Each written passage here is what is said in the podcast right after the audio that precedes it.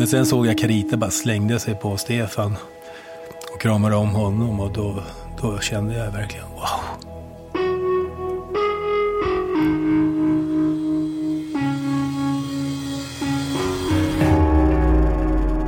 att fängelsestraffet i hovrättens tidigare dom den 18 mars 2005 tills vidare inte får verkställas. Och det betyder att Kajlina omedelbart ska försättas på fri fot.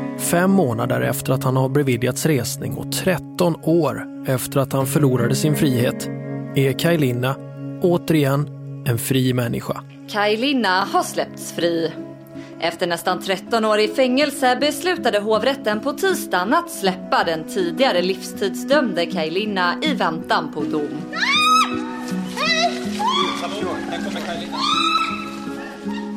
Kajlina promenerar ut i friheten från häktet i Umeå och möts av sin syster. Ja, jag är glad. Ja, nu är det över äntligen. Spår gör ett extra avsnitt med anledning av domen som föll idag den 15 juni 2017. Vi tittar närmare på vad det var som avgjorde den här rättegången. Han fick kalla fötter och ringde mig för att få ett, om det ska hända någonting, ett alibi. Och så träffar vi Kajlina efter hans första dagar i frihet. Den dominerande känslan är väl ändå att jag är jävligt glad och tacksam över livet som det är. Och det hade naturligtvis kunnat vara annorlunda på många sätt men som det är nu så är jag väldigt glad och tacksam. Det här är Spår med Anton Berg och Martin Jonsson om mordet i Kalamark och världens friaste livstidsfånge. Det här extra avsnittet av Spår möjliggörs av Bookbeat, ljudböcker i mobilen. Vi på Bookbeat gillar bra berättelser och det tror vi att du som lyssnar på Spår gör också. Därför bjuder vi dig på en fri prova på-månad med erbjudandekoden SPARPODCAST. Lyssnar du via Acast har du tillgång till extra material som filmer, bilder och länkar som berikar den här upplevelsen. Fortsatt trevlig lyssning önskar Bookbeat. Onsdagen den 7 juni öser regnet ner på Värnamo tågstation. Det återstår åtta dagar tills domen faller men Kajlina har alltså redan varit fri lika länge. Han sattes ju på fri fot i väntan på själva domen. Nu ska vi ses för en intervju. Vår femte sen Spår började granska det här fallet. Men det är den första intervjun som kommer ske utanför murarna. Och där inne på stationshuset i Värnamo står han. Här, titta vem som är här. Men Tjena! Hej. Tja, hur är läget? Du är högsta hugget. Istället för kriminalvårdens gråa och säckiga kläder har Kajlina en svart läderjacka och han ser ut som vilken resenär som helst där han står med delar av sin familj. Petra. Hej. Hej, Anton. Trevligt. Min äldste son Marcus. Tjena, Anton. Och min mellanson. Hej, Anton. Nu är vi samlade. Eller väntar vi på fler? Ja. Ja. Ska vi sätta oss i bilen? Ja. Ja. Det, det regnar ju. Så bara sätt dig i framsätet så fort du kan. Ja. Har, du har inga väskor med dig? Jag reser lätt. Kajlina har med sig sönerna Fabian och Marcus och så sin sambo Petra. Det är Petra som kör den lilla bilen. Vi ska hem till Kajs syster Carita som bor utanför Gislaved. Får ni plats? Problemet för mig är att de har ju byggt om så mycket. Alltså det. Petra och Kai blev ett par för nio år sedan. Hon var lärare i en kurs i spanska som Kai tog i fängelset. Nu är planen att flytta till Kanarieöarna och Kai och Petra har bråttom iväg. De hade inte ens tänkt vänta in själva domen. Kai själv är så övertygad om att den måste vara friande så att de planerat att lämna Sverige om bara någon dag. Men Kajlinas passansökan krånglar. Är han dömd eller friad eller både och? Och vad kan i så fall en sån person göra och inte? Alltså jag är ju livstidsfånge nu. Det är Nu när jag officiellt. sitter här, ja, Ja. det är jag ju. Men du är släppt utan restriktioner? Jag har inte hört några restriktioner. Jag var inne och försökte få ett pass. Och så sa polisen, ja men vi vet inte om du har restriktioner eller inte. De skulle kolla upp det. Du är fortfarande i någon slags limbo här då? Ja, Det är- ja. jag, jag är i, i Alltså rent officiellt så är jag en livstidsfånge nu. Som ändå är på fri fot? Ja, oerhört fri fot. Ja. Eh, Världens friaste livstidsfånge kan man säga. Har du hunnit landa någonting nu då, eller? Hur, hur, hur är det där inne i skallen? Nej. Nej, så fort går det inte. Det har gått en vecka. Så nej, det är fortfarande liksom att man har inte kommit in i några... Det, det är när man kommer in i rutiner som jag tycker då har man landat. Va? Så vi landar nog inte förrän vi landar på Kanarieöarna. Bokstavligen. Vad är planen där då? Där är ju planen lite lös, men alltså vi ska ju ta oss över till El Hierro. Då då måste vi ta en båt från Gran Canaria, antar jag. Eller om vi hamnar på Teneriffa eller La Palma. Och sen när vi kommer till eh, El Hierro ska vi försöka hitta någon lägenhet eller något litet hus att hyra. Så vi har någonstans att bo de närmaste ett eller två åren. Men vi hittar något mer permanent då, för vi ska nog inte lämna den där ön annat än med fötterna före. eller kanske inte lämna den då heller. Vad tror du Petra? Hur länge har ni pratat om det här Peter? Hur länge är det? Ja, det är nog sex månader.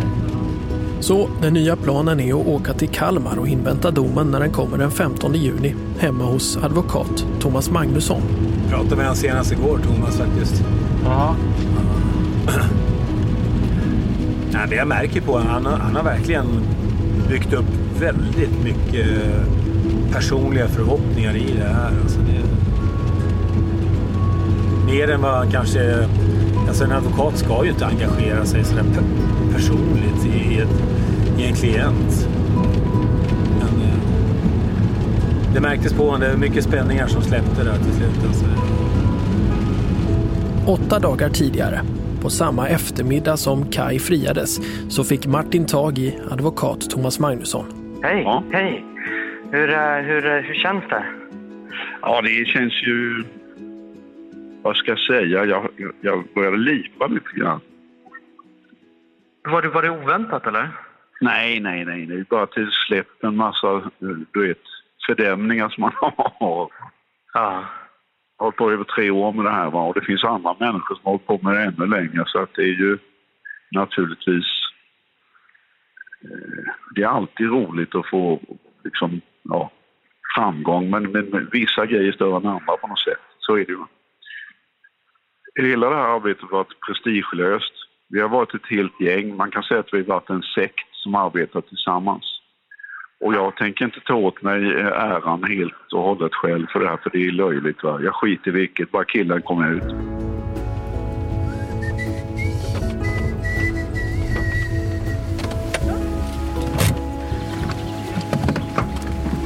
Vi kan vänta med att lasta ur ifall slutar. Kais syster Carita bor mitt ute i den småländska skogen. Hon har betytt oerhört mycket för Kajlina och hans kamp för frihet. Så här sa Kai själv direkt när han friades. Har syrrans stöd betytt då? Allt. Allt. Absolut. Det var även Carita som tillhandahöll alla inspelade förhör från tings och hovrätt till spår. En förutsättning för att vi skulle kunna granska fallet som vi gjort. Hallå! Välkomna, välkomna! Caritas hus känns alltså på många sätt som en naturlig plats att nu i lugn och ro försöka summera det som hänt de senaste dagarna. Om vi börjar med rättegången nu. Vi sågs ju där. Eh, fast vi pratade aldrig med varandra. Nej, det var glasväggar mellan. Du som då har, det var ju tredje rättegången för dig i, i samma fall. Om du jämför den här gången mot de två tidigare. Egentligen det som jag reagerade mest på, det var ju att domarna såg mig i ögonen och inte liksom tittade så här, bara blängde på mig argt. Det gjorde de inte nu faktiskt. Så att det, var, det var en stor skillnad. Om man tänker på vad som kom fram i sak då? Var det någonting som du har reagerat på? Eh, utifrån åklagarens sakframställning tyckte jag inte det var någonting som jag tyckte var värt att hänga i en julgran överhuvudtaget. Jag, jag, alltså jag, jag, före rättegången så var det ju, fick jag ju många tillfällen att säga jag tror inte det blir en rättegång. Och det var väl egentligen därför att jag visste ju att eh, blir det en rättegång så blir det en, en helt värdelös rättegång från åklagarens sida. Jag förstår inte varför han slösar bort tiden på det här. Alltså. Jag tycker det var helt idiotiskt att köra en rättegång. Ja, men så hade vi då Nils då som... Ja, det han har sagt har han ju sagt i våra intervjuer bland annat, men sen tar han då tillbaka det. Vad, vad har du för kommentar till det? Ja, min kommentar till det är egentligen den att han kan lika väl ta en vuvuzela i munnen när han ska yttra sig. Det är helt ointressant att lyssna på det. Alltså. Det är min kommentar till det. För du vet inte vad som är sant och vad som är påhittat. Och som han säger själv, han vet inte det heller. Det kanske är ett falskt minne. Jag menar, vad är det för... Det är inte världens bästa vittne vi har här alltså. Hovrätten håller huvudförhandling i mål B 1138-16. Parter ombud kallas till sal 1.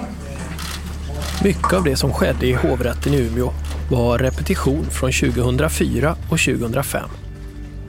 Det som var nytt hörde ni om i Spårs förra avsnitt om Karlamarksmordet. De mer eller mindre hemliga telefonavlyssningar som åklagaren spelade upp med främst vittnet Nils. Eh, det, det är en annan sak.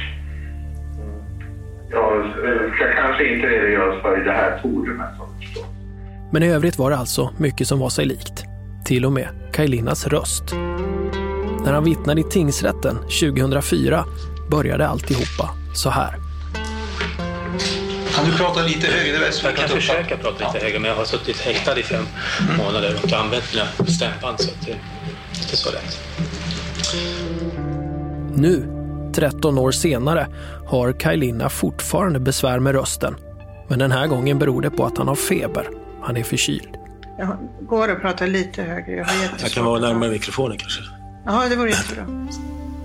Första dagen bestod av åklagarens och advokatens sakframställan. Dag två hörs alltså Kajlina. Han berättar på nytt om påskhelgen och om avvärjningsresan. Jag tror det slumpar sig så att eh, när den här eh, bilen är ilastad så ringer och berättar någonting i stil med att han eh, är i Älvsbyn eller på väg och ska precis komma till Älvsbyn. Och eh, vi bestämmer oss för att eh, träffas eh, i, eh, på OK-macken i Älvsbyn. Kai menar att när Nils dyker upp så är han påverkad. Så jag reagerar på en gång på att han är narkotikapåverkad. Jag märker det tydligt. Och då skiljs deras vägar åt, menar Kai. Han håller sig alltså till samma historia som han har berättat hela tiden. Eh, då skiljs våra vägar åt här i, i Älvsbyn på Åkermarken. Och här går ju våra historier väldigt, väldigt brett isär ska man säga. Så att eh, det kan ju vara intressant att ta reda på vilken version är den riktiga. Min version är i alla fall den att eh, jag nu är på väg till Stockholm. Sen berättar Kai om sin resa till Stockholm och hur han sen via Gislaved och Köpenhamn kom till Amsterdam där han läser om mordet i Kalamark på ett internetcafé. Ja, polisens presstalesman hade väl eh, yttrat sig att eh, det är jag som har gjort det. Saken är klar. De var så säkra man kan bli över det. Vad som gjorde dem så säkra var ju framför allt att de hade säkrat spår i Kalamark som skulle binda mig till det här att jag skulle få det väldigt svårt att förklara vad jag hade gjort i Karlamark. Och då fattar alltså Kajlina ett beslut som han har funderat över många gånger efteråt. Han väljer att fly. Jag står för det jag har gjort. Jag har inga problem med det, men om jag kunde ha gjort någonting annorlunda, bättre, mer förståndigt och förnuftigt. Kanske.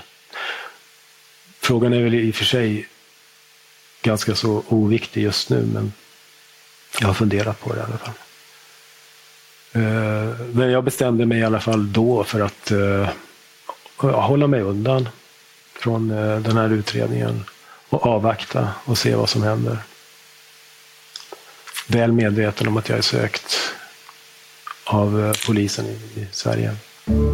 Efter Kajlinas redogörelser tar åklagaren över och börjar ställa frågor. Man kommer ganska snabbt in på Nils påstående om att Kai pratat om bröderna i Kalamark med honom och att han ska ha planerat att råna dem. Något som Kaj Linna hävdar är lögn. Har du och pratat om de här bröderna någon gång? Aldrig någonsin. Aldrig någonsin? Ja, men har han på något sätt berört Kalamark överhuvudtaget? Nej, jag och har aldrig pratat om Kalamark eller Bröderna Lindberg. Någonting. Aldrig överhuvudtaget någonting sånt. Så, så allt det som berättar om det, det är bara hel lugn. Ja, så. Ja.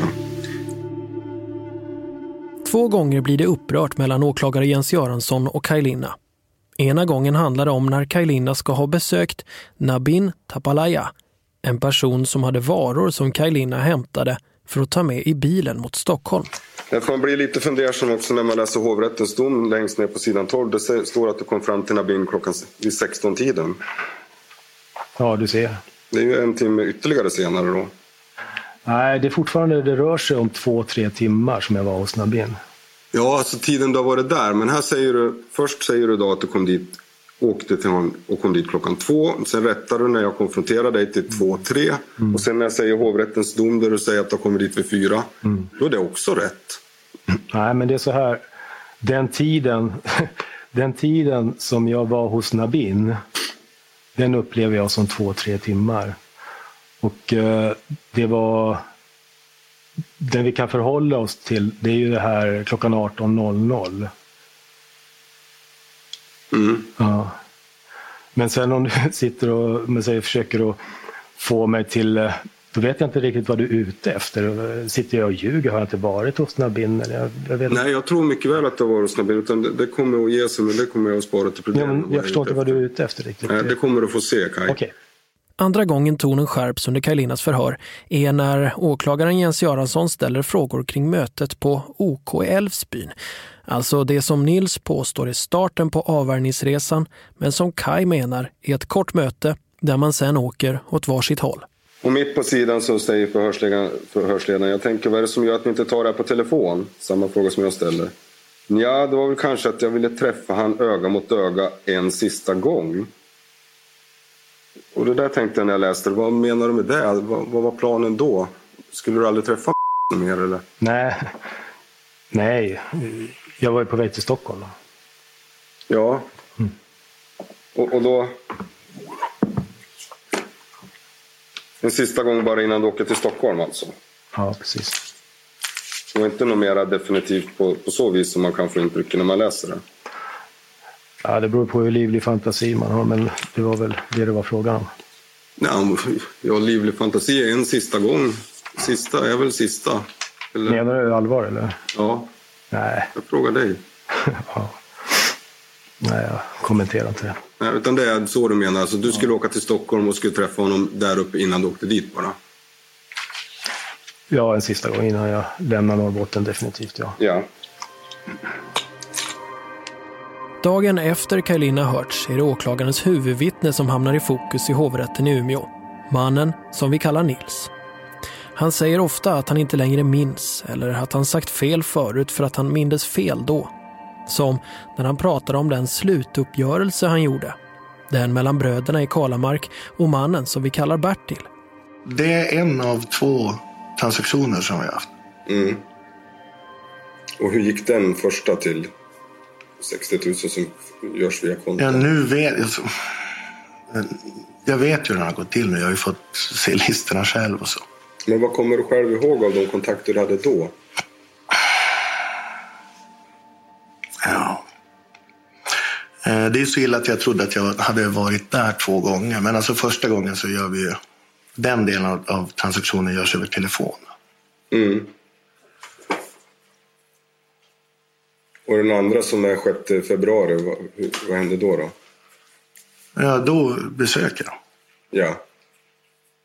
Och jag tror att det är då vi gör själva undertecknandet av avtalet och så. Det finns ett sånt förlikningsavtal tror jag det kallades. Ja. ja. Och hur går det till när du kommer dit då 6 februari? Eh, då åker jag bil dit och blir skjutsad dit av min far. Men två dagar tidigare har rätten fått se Mårten Barkvalls film där han intervjuar Nils. Då påstår Nils att han varit hos bröderna två gånger. Du säger ju spontant att och det var ju så illa så du trodde att du varit dit två gånger. Berätta, vad menar du med det? Ja. Det- kändes som att, att jag varit där båda gånger, men ena gången var över telefon. Mm. För, det var där vi, vi har fått hört någon ett spelning från en, en intervju med dig eller en, där du säger att du skulle ha varit dit två gånger. Är det det du menar? Ja. Sen var det ju den där detaljen med droger i Piteå. Både i Mårten Barkvalls kamera och i Spårs mikrofon har Nils påstått att ett skäl till att han och hans pappa skulle åka till Piteå dagen före mordet var att de skulle köpa droger. Dessutom påstår Nils att han skulle avstyra Kais planer på en stöt mot bröderna. Den här uppgiften om narkotika är ny och låg mycket till grund för resningen som Högsta domstolen beviljade. Men i polisförhören sen tar Nils tillbaka historien om knarkköpet. Då måste jag ju fråga, varför berättar du på det sättet till de här människorna? Då trodde jag det. Det är ungefär sam- Jag kan inte förklara det på ett annat sätt än att det är som när jag tror att jag har varit hemma hos bröderna två gånger. Alltså... Så det trodde jag ju då tills jag såg telefonen. Alltså jag förstår ju att det inte har hänt. Och varför förstår du att det inte har hänt? Vad är det som får dig att förstå att det inte har hänt? Ja, att det var inte på det viset. Utan det är något som jag så att säga inbillat mig väl att det men förvrängda minnen eller vad man ska säga. Mm. Men vad är det som får dig nu att veta att, inte, att, att den förvrängda minnesbilden verkligen är en förvrängd minnesbild och inte att det är så det är? Det är inte så. Nej, men vad är det som får dig att säga s- helt säkert så?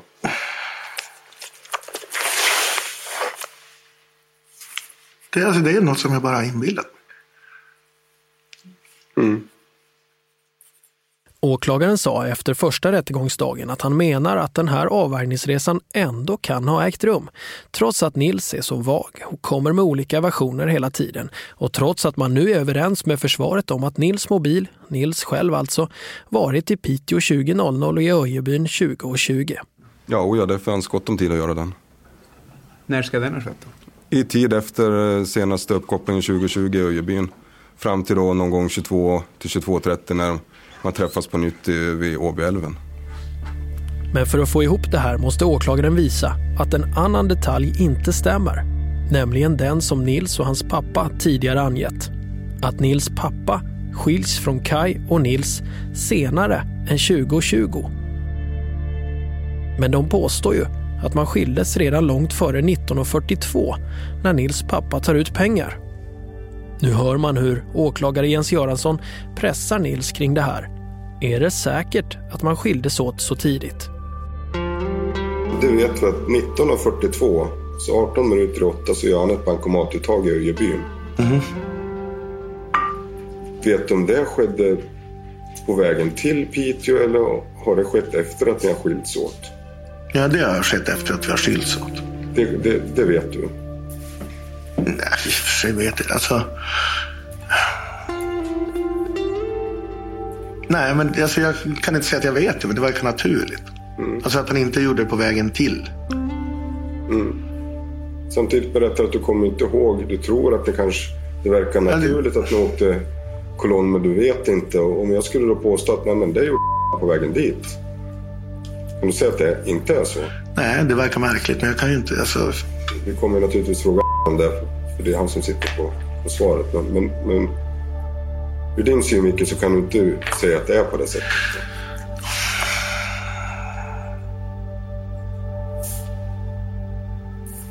nej. Men när Nils pappa förhörs två dagar senare står han fast vid den version han uppgett tidigare.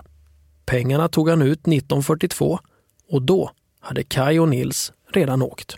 Men eh, först var jag och tog ut pengar. Ja, det har vi sett att 1942 så är det ett bankuttag i, i Öjebyn. Ja. Kommer du ihåg det uttaget? Ja, då, från början kommer jag inte ihåg det, men sen vet jag att jag gjorde det. Och det gjorde jag efter de hade åkt. Mm. Och det är du säker på? Ja, det är jag säker på. En annan huvudperson hörs dag fyra. Mannen som vi kallar Bertil. Han som haft affärer ihop med bröderna och som tidigt pekades ut av den överlevande brodern. Han hade långa samtal med Nils på telefon dagarna före och efter mordet och nu har han funderat på varför Nils ringde och var så upprörd. Det Nils berättade handlade ju om att han påstod att Kai skulle göra ett rån. Men varför var han då så upprörd? Jag frågade han flera gånger varför han kom sig att han ringde till mig så desperat. Och jag har faktiskt beskyllt honom att, att eh, han fick kalla fötter och ringde mig för att få ett, om det ska hända någonting, ett alibi. Att han visste att någonting mer allvarligt skulle hända. Och det är min uppfattning. Det här är någonting som advokaten Thomas Magnusson nappar på. Åklagaren har haft telefonavlyssning även på Bertil och under våren när Nils anhölls som misstänkt för medhjälp till mordet så uttryckte sig Bertil på ett sätt som vittnar om att han numera tycker rätt illa om Nils. När man ser på, på avlyssningsmaterialet här som du har blivit drabbad av så uttrycker du i något av samtalen, jag tror, det är, jag tror att det är när du pratar med din far, att du uttrycker dig, som jag tolkar det, om feta svinet hoppas att han får sitta där inne eller någonting. Det var väl kanske i samband med att det var. Alltså det var ganska, man får intrycket i vart fall. Jag ska inte lägga orden i mun på det, men att det var ganska vitt på Jo. Bitter är nog fel ordet. FB. Jag menar, som man har svängt och, och hållit på. Det är som att det är någonting som saknas där uppe. Och om det är dåligt samvete eller någonting annat. Så att det är inte första gången jag använt de orden. För att det gick inte att prata med honom som jag sa sista gången jag pratade med honom. Det var att han hade ett sånt... Och jag försökte prata lite om Karla Mark också.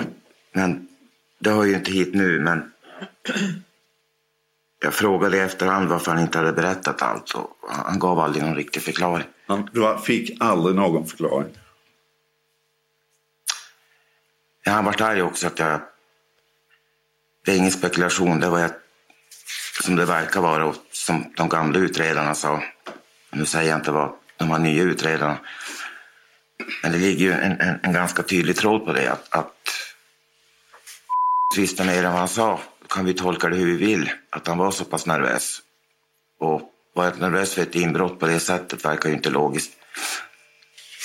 Och sen att han berättade allting stötvis och sen kom det fram att han inte hade berättat allt. Och det var det du menade när du sa att han på något sätt fick intrycket av att han använde dig för att skaffa sig någon form av alibi. Ja. Var det så du menade? Så att jag inte lägger orden i mun på det. Ja, alibi eller helt enkelt om det skulle hända någonting så skulle inte han åka dit för. Så kände jag.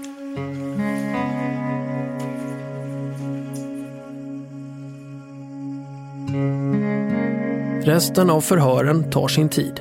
Dagarna rullar på i Umeå, men så gott som allting är upprepningar av samma uppgifter som fanns 2004. Först när Jan Olsson vittnar så hettar det till. Jan Olsson är ju före detta polis och utredare som nu undersökt det här fallet för advokat Thomas Magnussons räkning. Rätten har fått se den film som Mårten Barkvall spelat in med Jan Olsson och Peter Karlsson, också han utredare, där man kör med Nils mot Kalamark 2014. Vi hör åklagare Jens Göransson fråga ut Jan Olsson. Man hoppar fram lite i den här filmen till 1.36 och säger citat, det är nog inte så lätt. Och så säger Jan Olsson, det är bara det att det är två stycken. Och 1.38 in i filmen säger du, kommer med all sannolikhet att lösas där. Och så svarar ja, jag är av den bestämda uppfattningen att det är löst. Och så säger du Jan Olsson, ja men det var två. Jag vill veta vem nummer två är. Det blir inte löst förrän man har båda två. Mm. Och då tänker jag så här. Nu när du sitter här idag och avlagt ed. Mm. Kan du idag här i hovrätten. Det här är ju inte vad du tror. Det är inte att det tyder på att det är två. Utan du säger att det är två. Mm. Kan du säga det? Det kan du säga. Ja. Du kan gå ed på att det är två gärningsmän.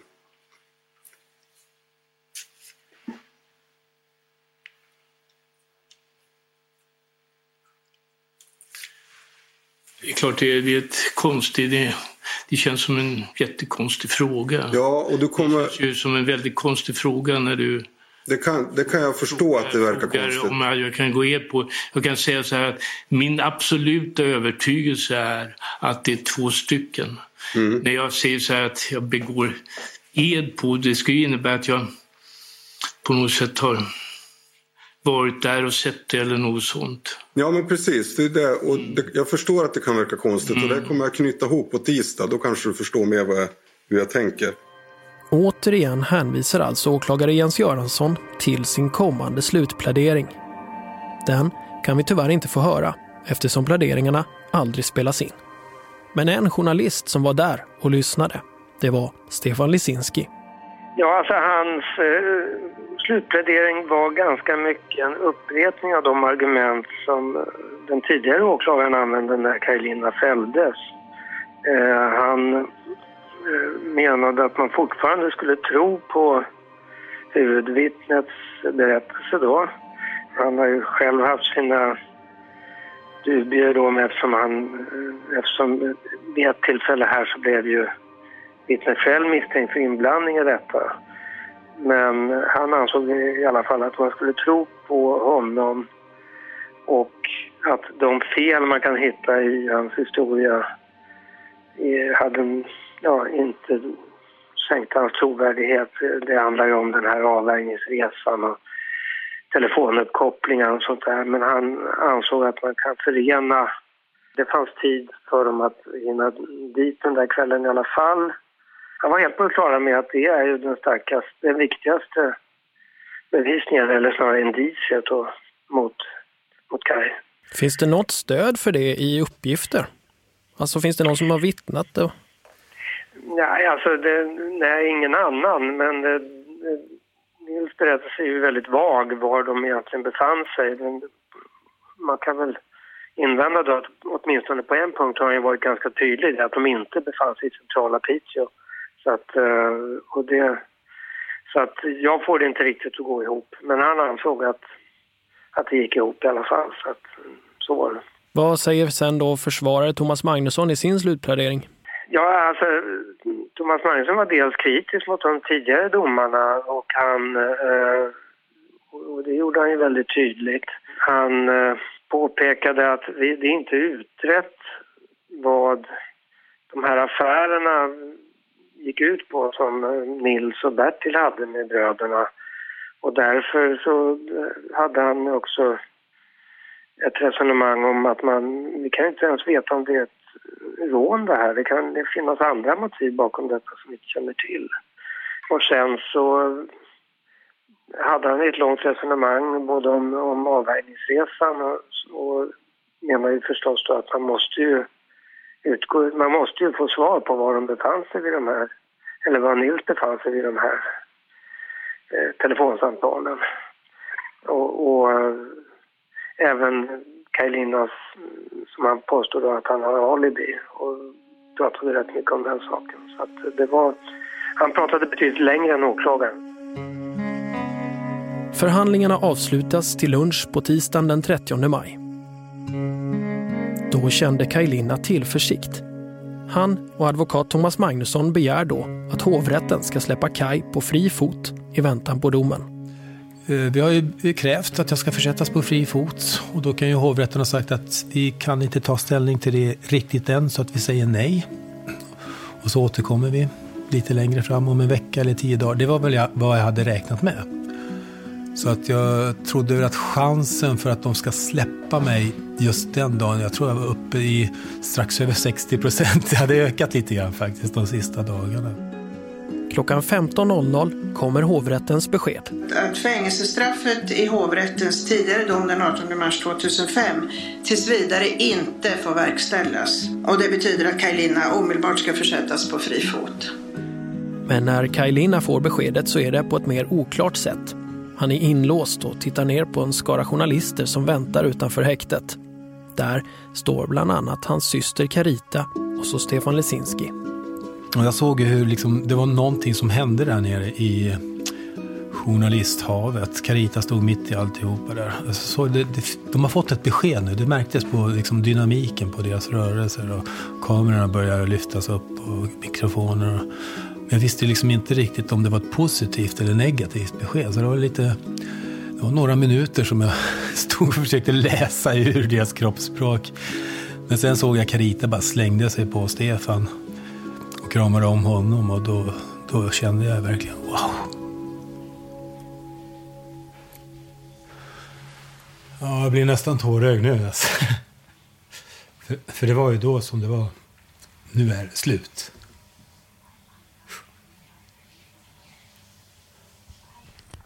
Ja, du var ju väldigt cool då liksom, eller sådär. Bjöd inte så mycket på känslor då.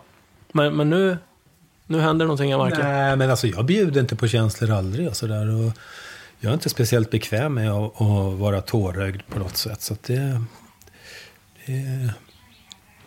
Inte för att jag sitter och skäms, det är inte så. Men, alltså det, men jag kommer ihåg att jag fick, jag fick vara lite själv där i rummet. Eh, det var någon minut bara, så jag bara stod och bara liksom samlade mig så här. Jag ville definitivt inte lipa framför plitarna. Så att när jag kom ut där, då, då stod de ju 10-15 stycken där utanför. så jag var väldigt cool. Jag bara tittade på dem och sa, jaha, så nu ska ni släppa mig då? Jaha, sa de. Ja, vad bra. Jag ska bara tömma min cell då, och så går vi.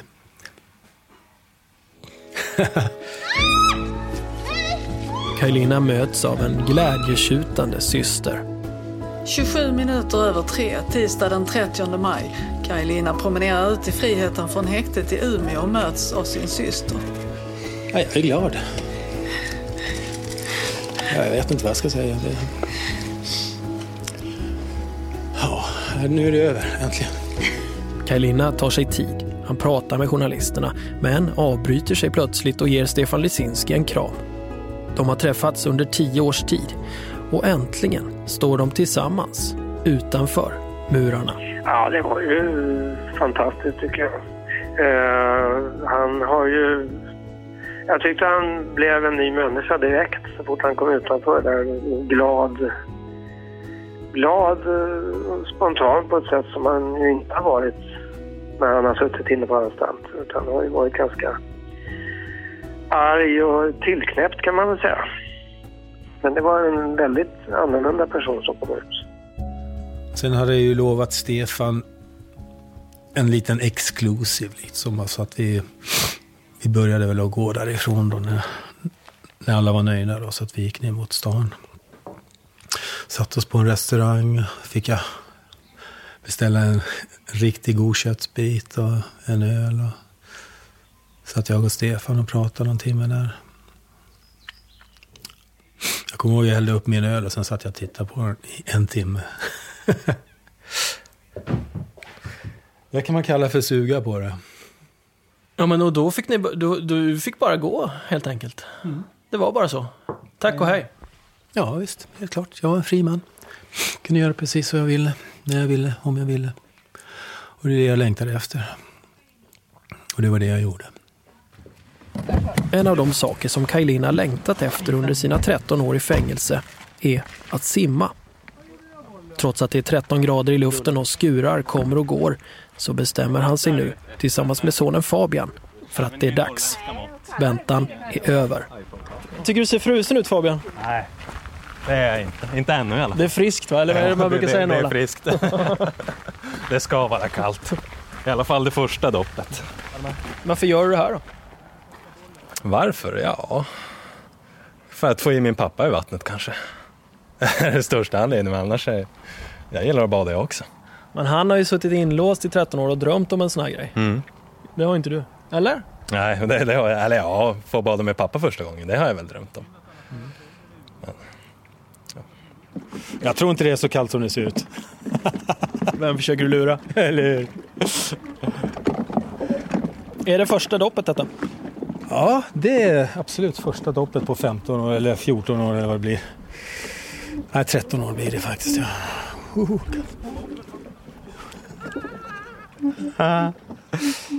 Nu kör vi. Kanonkulan. Hur djupt är det här då? Du får inte dyka står det. Nej, men kanonkula är inte samma sak. Så ska jag göra.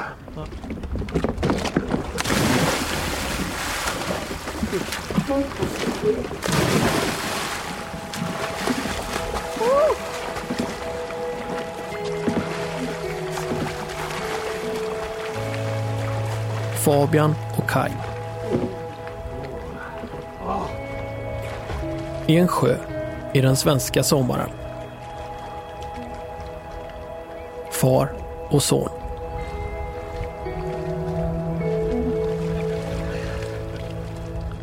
Kvar på bryggan står Marcus, Kais äldsta son.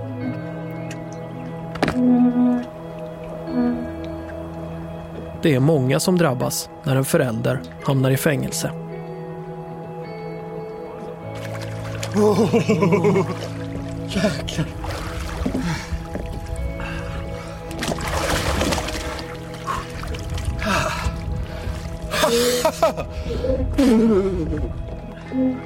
Var det värt det? Absolut. Ja. Värt att vänta på i 13 år? Nej. Nej. Nej. Nej, men det är ju ett sätt att känna att man lever definitivt. Mm.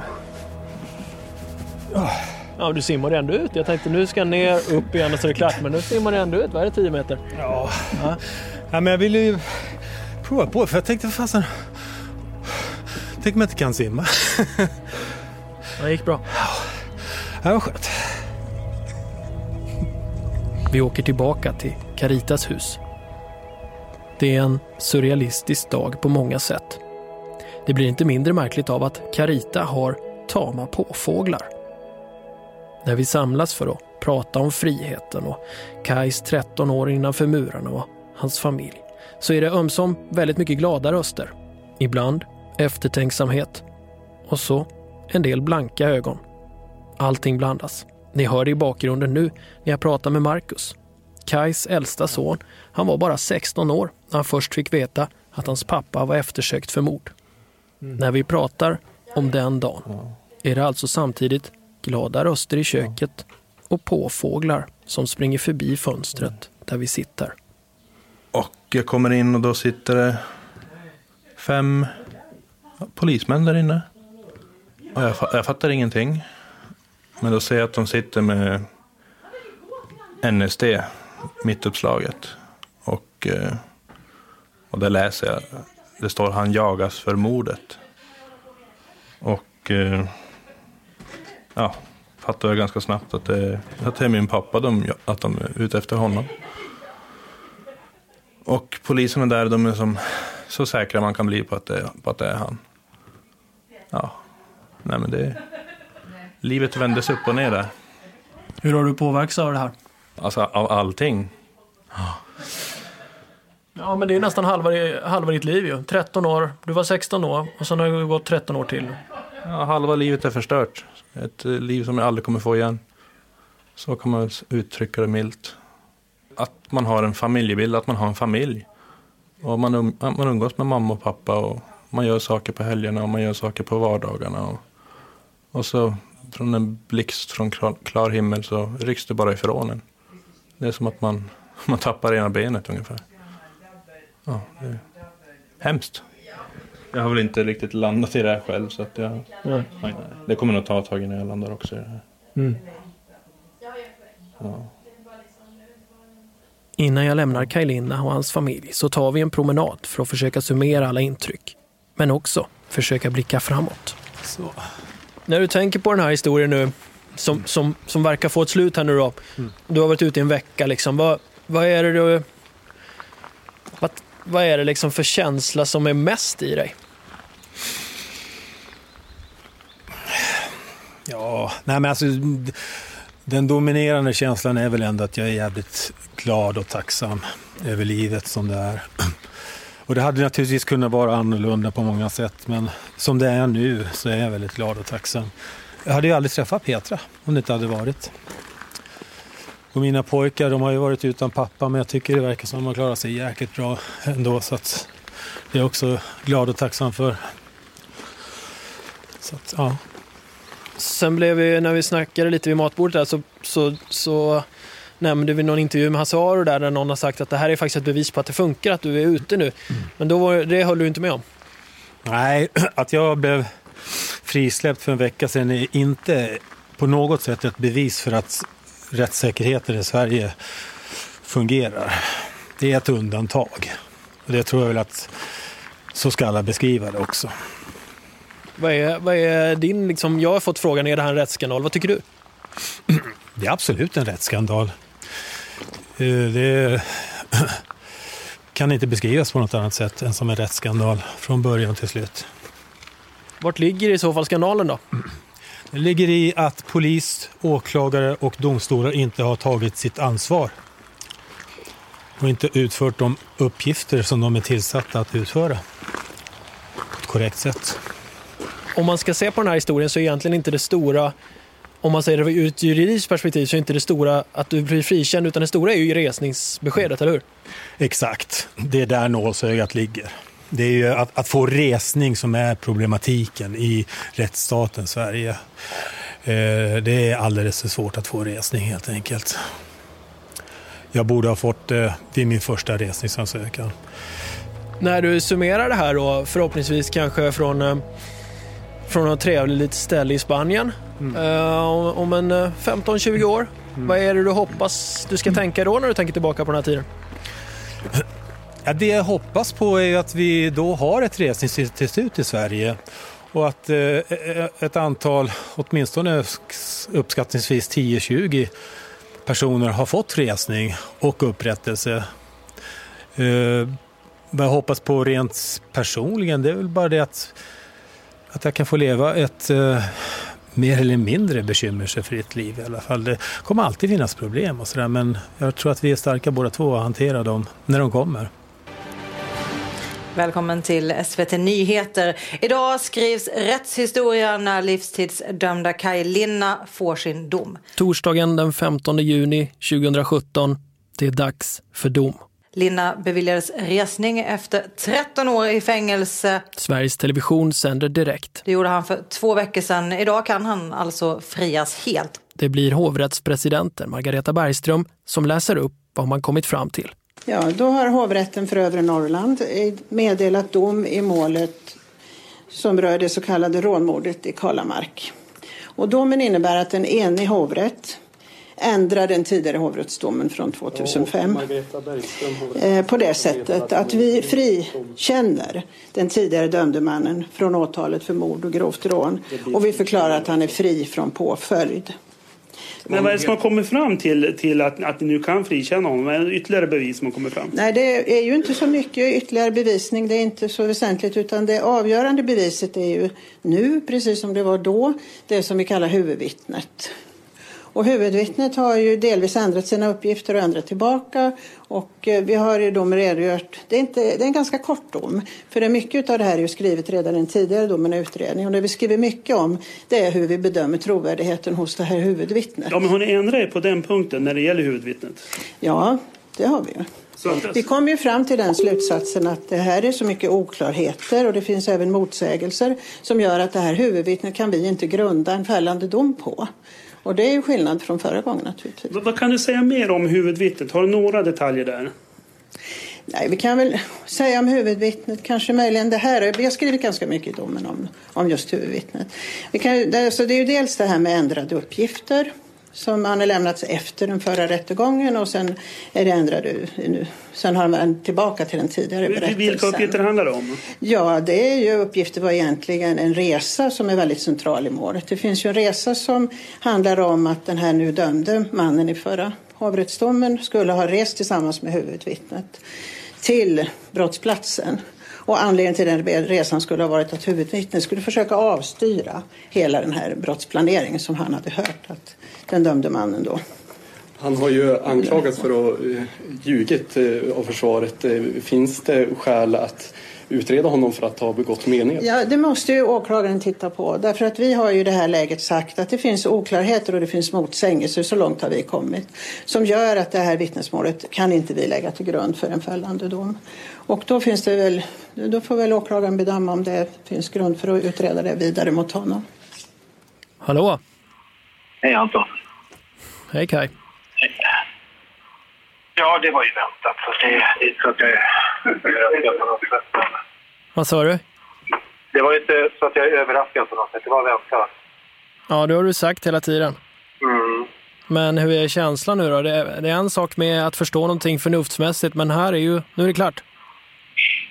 Ja, nej, men jag tycker att jag har nog greppat det för länge, länge, länge, länge sedan.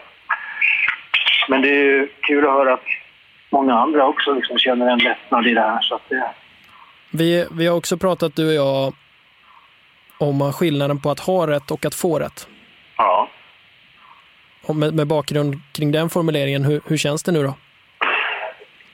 Ja, då känns det ju fantastiskt naturligtvis.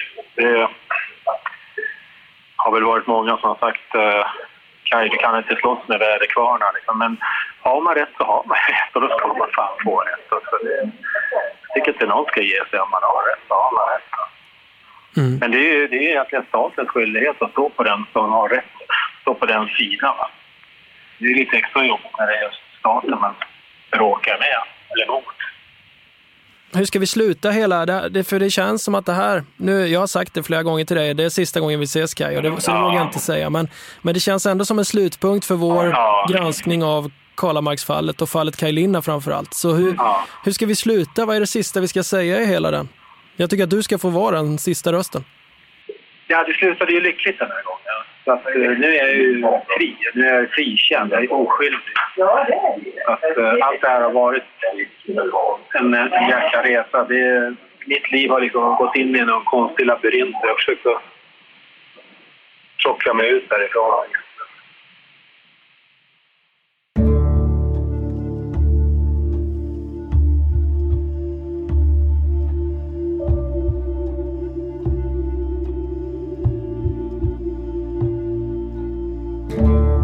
Spår görs av produktionsbolaget A1 Produktion i samarbete med Acast. Ljudtekniker är Jonas Sjöberg, projektledare Vianja Lall och exekutiv producent på Acast är Carl Rosander.